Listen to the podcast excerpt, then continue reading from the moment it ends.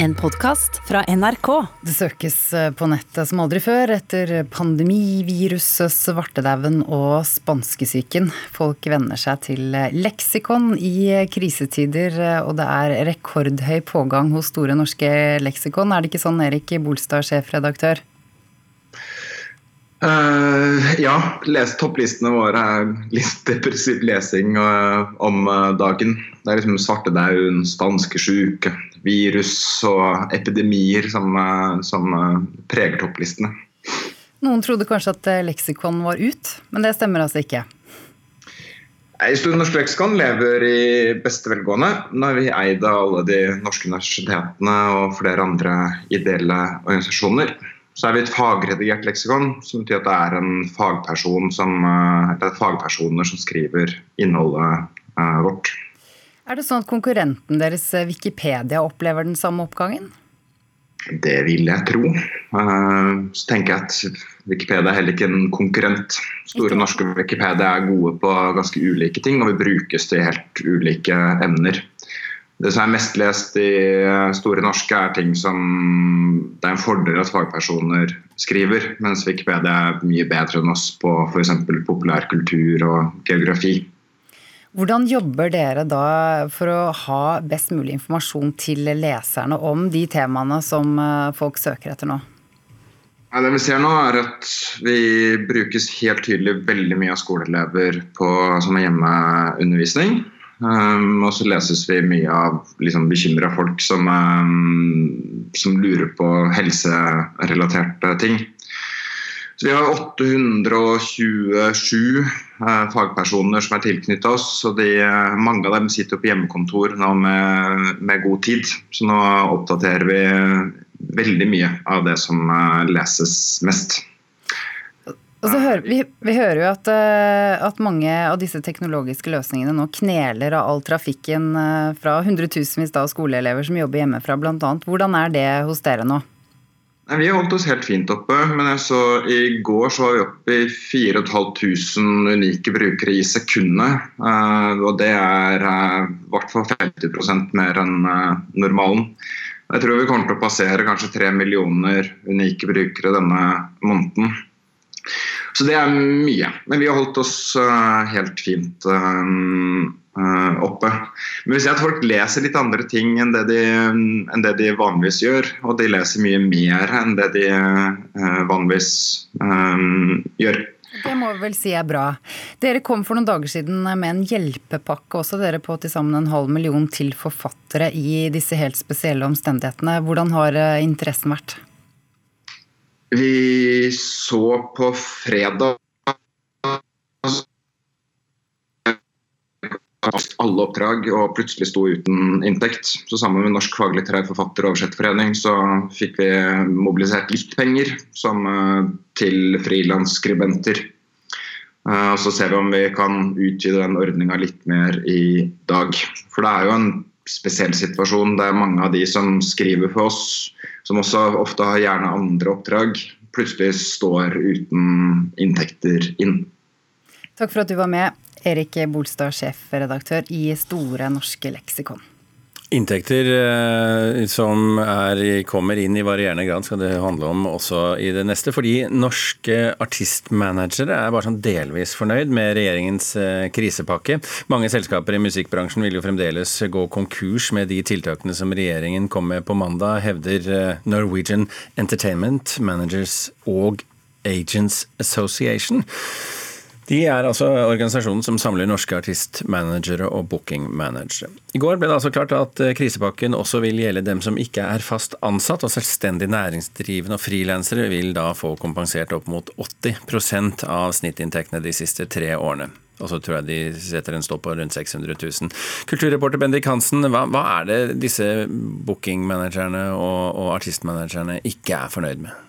Enema sier jo til musikkmagasinet Gaffa at de stiller seg undrende til at det er først etter dag 17 av inntektsbortfallet at frilansere og selvstendig næringsdrivende får kompensasjon. De lurer på hvorfor de får tiltak senere enn andre arbeidstakere. De er positive til utsetting av moms og lignende, men de savner kompensasjon for utsatte eller avlyste arrangementer. Fordi det er det store tapet for bransjen nå. Eh, bransjeorganisasjonen Grammart sier at de føler seg tryggere, men at de håper at det kommer tiltak som inkluderer arrangørene. Også Virke er glad for at frilansere og næringsdrivere er eh, sikra inntekt. De mener at det er behov for kompensasjon for arrangementer det ikke blir noe av de også, og at det må på plass, eh, og at det må på plass om det skal være noe kultursektor etter koronaen. Men dette eh, er jo altså et snitt som regnes av de siste tre årene. Og de som da bare har hatt virksomhet i to år og regnes fra tre år, de vil jo få en veldig eh, ulempe her. Mm. Og Organisasjonen Norske Billedkunstnere de lurer på hva små kulturaktører som har blanda inntekt fra flere sektorer, skal gjøre. Snittinntekten for medlemmene hos eh, dem det er 89 000 kroner årlig. Og veldig mange på det feltet har flere småjobber for å strø på den inntekten. Som f.eks. å være lærervikar, jobbe på kafé eller være museumsvakt. Og Fiolinist Lise Voldsdal sier til Aftenposten at hun, hun lurer på hvordan de reglene her vil påvirke selvstendig næringsdrivende som kun har hatt inntekt f.eks. de to siste årene. Mm. Og disse permitterte kunstnerne, da? Hva skal de drive med? Nei, det er, jo, det er, jo, mange som på få dager har mista store deler eller hele inntekten sin. Og det kommer til å komme organiserte digitale utgaver av f.eks. teater, konserter og museumsomgivelser omviselser eh, snart. Til nå er det laga flere uorganiserte versjoner av det her, som eh, Brakkesyke 2020, som viser konserter. Det er noen humorscener i Oslo som har humorshow på nettet nå. Og flere som bare prøver å gjøre det beste ut av å være kunstner i karantene. Men som eh, Aftenposten sin kulturredaktør Cecilie Asker skriver i dagens avis, så blir det her bare som å sette et plaster på et kjøttsår. Fordi det er ikke godt nok at ting bare er på nettet. Folk har jo lyst til å dra på konsert når det her er over. Bendik Hansen, takk for orienteringen. Vi griper fatt i ordet du sa, museumsomvisning, Ida.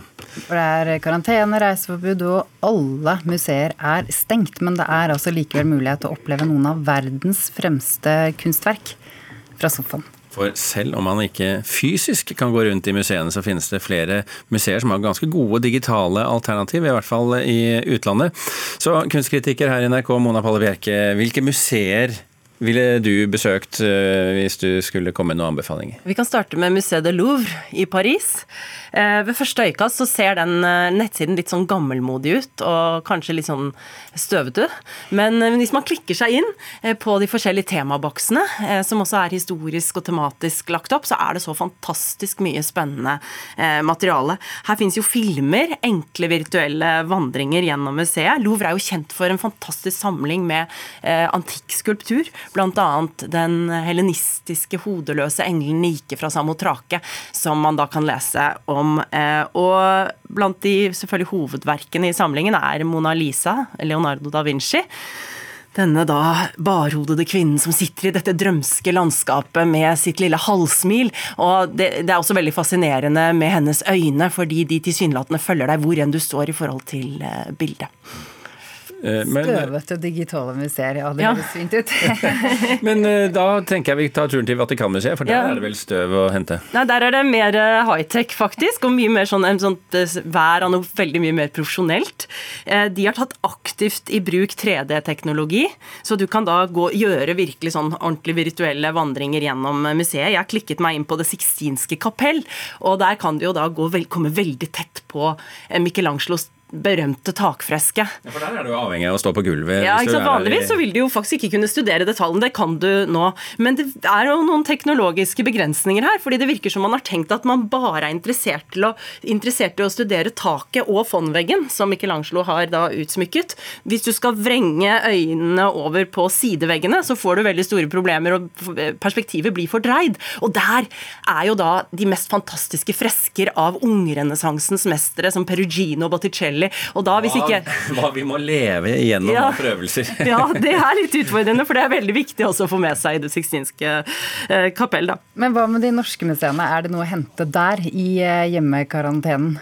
Det er det jo absolutt ikke. Altså, eh, nettsidene til Nasjonalmuseet og Kode det er jo sånn, det virker som de tenker på dem som sånne digitale, flate plakater med sånn informasjon nedover. Det er ikke en portal inn i en verden eller inn i samlingen. Så det er jo helt egentlig katastrofe.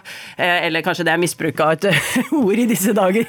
Men det er i hvert fall ikke veldig veldig bra. Men Njonstad Kunstsenter har kastet seg rundt og lagd da, for de som gikk glipp av den helt unike Picasso-utstillingen Suite 347, som eh, nå egentlig skulle vært vist, men som er stengt for altfor tidlig, så har de lagd en digital versjon av den utstillingen med da kurator Karin Hellandsjø som forteller, og vi får se bilder. og Det er altså virkelig eh, verdt å ta en tur innom denne digitale utstillingen. Men det er klart at skjermbilder er og blir skjermbilder, og det vil jo aldri kunne erstatte den virkelige kunstopplevelsen. Men jeg anbefaler varmt at man tar de digitale museene i bruk nå i denne spesielle situasjonen. Jeg får følelsen at du er liksom todelt i det her. for På den ene siden så kommer man nærmere, man får se mer detaljert, man kan gå dypdykk inn hvis det er noe man spesielt er interessert i. Samtidig dette skjermelementet, da.